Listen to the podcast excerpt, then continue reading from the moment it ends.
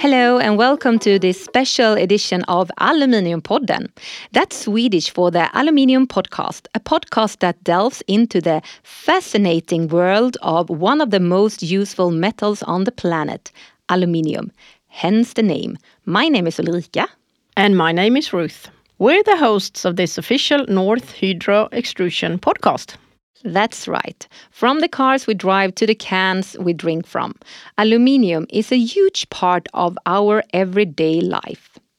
Over the course of this podcast, we have explored the many benefits of aluminium, from its discovery to the development of the modern manufacturing process that make it so widely used today. A metal that is transforming the world around us as we speak, but we are not going to talk about aluminium today. No, we're not. And as you all can hear, we are not speaking Scandinavian either. Why is that, Ulrika? Good question. This special episode is about the diverse workforce behind this extraordinary metal. To make it even more inclusive, we decided to speak English. Yes, and today's topic is diversity, inclusion, and belonging. The European extrusion business need a more diverse workforce. Among other, we need more women. You are perfectly right. Today, European society is 51% women, but Extrusion Europe is currently only 23% women. In contrast, no other sociological group have such a percentage different. Gender diversity is only one of Hydro's top priority because it's so far removed from our social reality. It is that simple. And that's why we're here today. But it's not only about women, it's about people. Absolutely. Regardless of gender, race, religion, physical abilities, or any other factor. A workplace that promotes equity and fairness not only creates a positive work environment, but also enhances productivity, creativity, and innovation. That's a fact. Science and common sense. Very true. And here are some additional facts. Hydro has around 32,000 unique employees in 40 countries, representing 100 nationalities, with different backgrounds, experience, and perspectives. We're a big and diverse company, no doubt about it. We depend on high performing and sustainable work environment based on inclusion of our difference. But we can always do better. For sure. Good things can become great things through the power of consistent effort, dedication, and a willingness to push beyond the limit of what is considered good enough. And to turn something good into something great it's important to constantly seek out new opportunities for growth and improvement.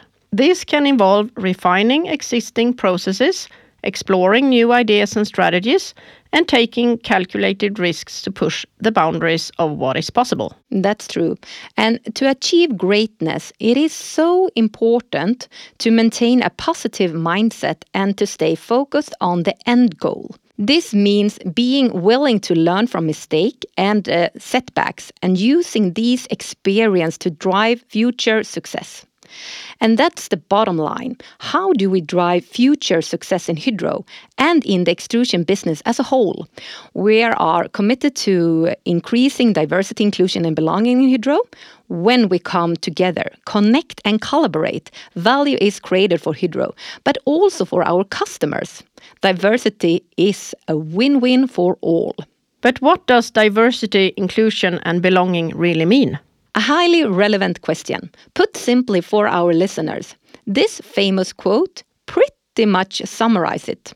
Diversity is having a seat at the table. Inclusion is having a voice. Belonging is having that voice be heard. But we're not the experts in this field. No, we are not. But there are always experts available in highly specific areas of expertise within this company. One of these experts is Kjersti Midtunes, a Norwegian woman that works in Hydro Unit Group People and Organization. She is also leading the Diversity, Inclusion and Belonging program. Kjersti is our special guest in this special episode. Welcome to the podcast, Kjersti. Thank you so much, Ulrika. And it's great to be here. And a fun way to start a, a Friday. Absolutely. We're super excited to have you with us here today. Thank you for joining us. First thing first, who are you and what do you do at Hydro? Uh, well, uh, start with the first. Uh, I'm born and raised in Bergen in Norway. I'm married. Uh, I'm a mother of two daughters, three and five years old. I'm a passionate. Uh, I'm passionate about outdoor activities, and skiing is my favorite. All kinds of skiing. Uh, yes, that's perfectly fitting the Norwegian stereotype. I, Definitely. uh, I hold a Master of Science in Finance, and I find my purpose in the drivers of long term value creation. So um, uh, I have been working five years as a no seven years actually as a consultant in yes in EY prior to Hydro, uh, where I've now been in for three years, working with. Uh, with culture and organizational development, uh, engagement, and then diversity, inclusion, and belonging, which we shorten for DIB. so I may, may say DIB today, but then you know what's that all about. I think people experience me as curious, um, engaged, and a bit impatient at times. So that's just shortly about. All right, fantastic. In the introduction, Ruth and I only scratches the surface of this important uh, agenda. What is diversity, inclusion and belonging to you and why is this so important to Hydro? Um, it's important to start with diversity being all of us. All of us have our layers. All of us have our um, dimensions that we uh, cannot um, influence and dimensions that we can influence when it comes to who we are as persons, as individuals. And therefore, in Hydro, we do have a very broad definition of, of diversity. And yes, we do have a target on gender balance, uh, which, which is important, acknowledging that we are, in fact, in imbalance today. Um, but it is very important to underline that our approach to diversity, inclusion, and belonging captures much more than counting the numbers of differences. And I say, like an iceberg, diversity captures much more than what catches the eye. It makes up, as I said, who we are as individuals. And uh, these factors that we can't control is our skin color, is our uh, sexual orientation, or the, the gender we're assigned at birth, that's that's something we can't do something about. And but uh, but uh, then you have all the other factors that you can to at least some extent control and that's uh, education languages experiences who, uh, who you where you live who you're living with what kind of work you do etc and that means we all represent diversity. And that's what gives us unique perspectives in life. Um, and in Hydro, it's really important that we're not just counting the numbers of differences. We really want them to count, don't we? And uh, and this is where equity and inclusion is crucial. And as you said, uh, this is about having voices heard uh, and to ensure we have a culture where everyone are not only welcome but expected to be themselves at work and feel safe to be so.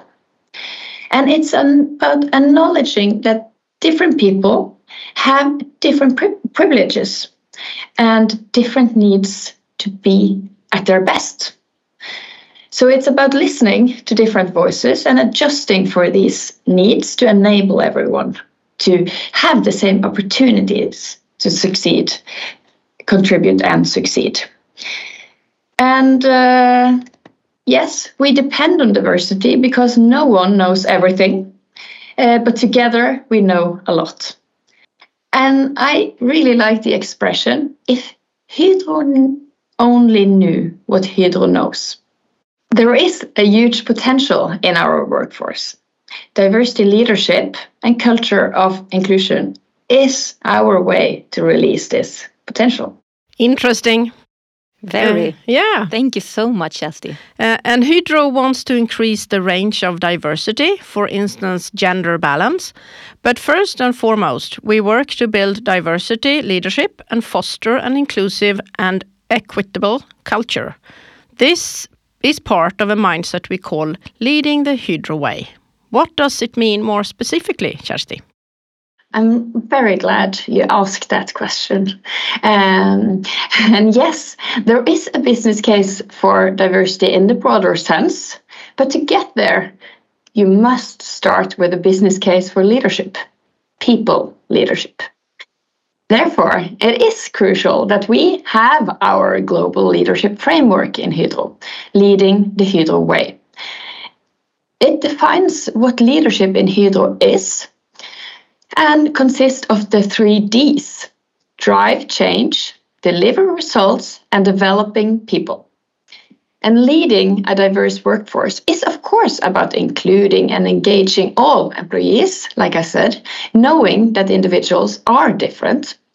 However, higher maturity of diversity leadership implies that leaders can release the potentials in different individuals, utilizing their strengths when driving change and delivering results. I do believe that all people are able to perform, but I don't think all people are enabled to perform. And this is a leadership responsibility coming with this framework. From your point of view, what are the main factors for equity and value creation within Hydro? Different people have different needs to be at their best. And most needs are not visible to others.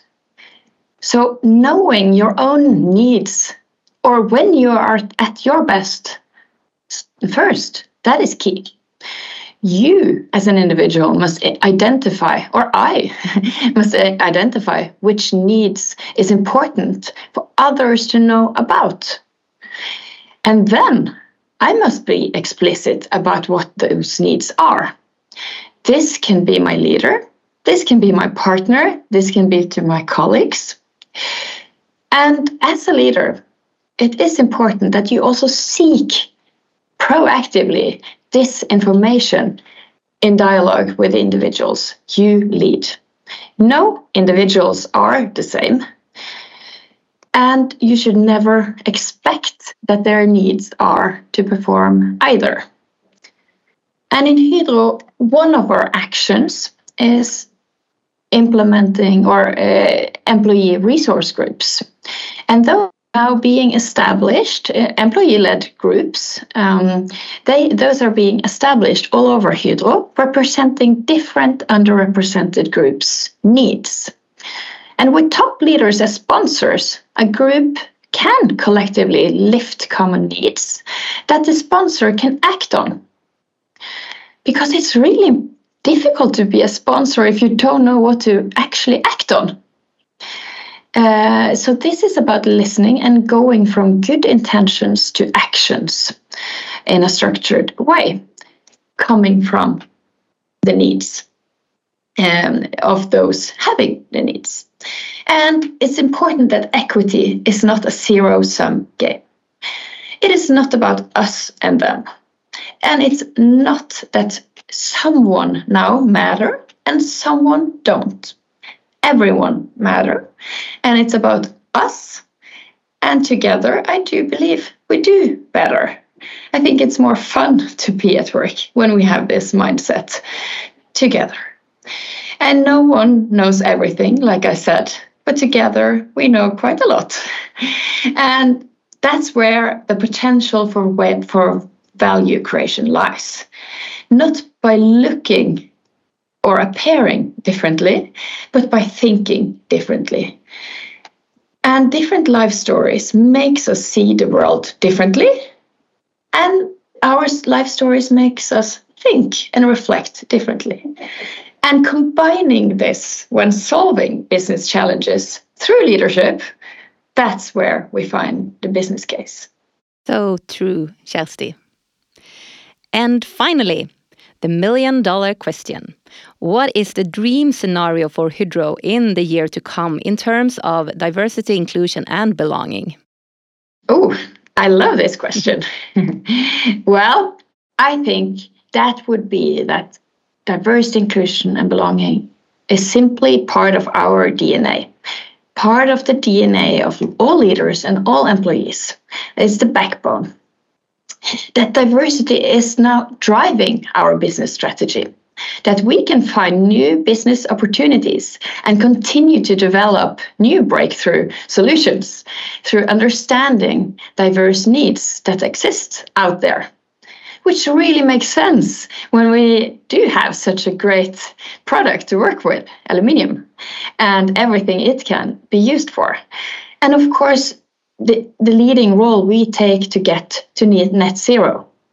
We have plenty of opportunities in Hydro and some bigger challenges we are contributing in solving. And I think the scenario where DIB is and will be our cultural foundation to get there is so important. Thank you so much, Kjersti, for the important work you do. And thank you so much for taking the time and uh, tell us a little bit more about this very unique opportunity. Thank you so much for inviting me to the conversation. Thank you so much, Kjersti. But before we let you go, I have a riddle for you and our listeners. In this podcast, we have a popular segment called the Aluminium Riddle. It's basically riddles about aluminium and products that are made of aluminium, but not this time. This riddle revolves around what we have been talking about today. Are you ready, Kjersti? Absolutely. Fun. Yeah, it's fun. We really like this part. Yeah. Yeah.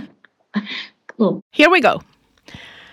I'm a concept that's hard to define Yet I make the world a better place, that's a sign. I come in many forms, shapes, and colors. I'm present in humans, animals, and flowers. My absence creates division, my presence, unity. I'm the answer to many problems, the source of creativity. What am I? Oh, nice one. Um, well, I'm not an expert in in riddles, but uh, I may know this one. May I try diversity? Yeah, that's correct. I think Great job. I think you are very good at riddles. Definitely. The answer is indeed diversity. Good job. Once again, it was so great to have you here in the studio. Thank you so much. And thank you too, and for putting the spotlight on diversity, inclusion, and belonging. This podcast will be back with even more interesting things and people related to our favorite material, aluminium. Subscribe and listen. As we said earlier, it's usually in Scandinavian languages, but we sometimes have international guests as well. Stay tuned and stay safe out there. Over and out from Aluminiumpodden. As we say in Swedish, hej då! And as we say in English, Bye bye.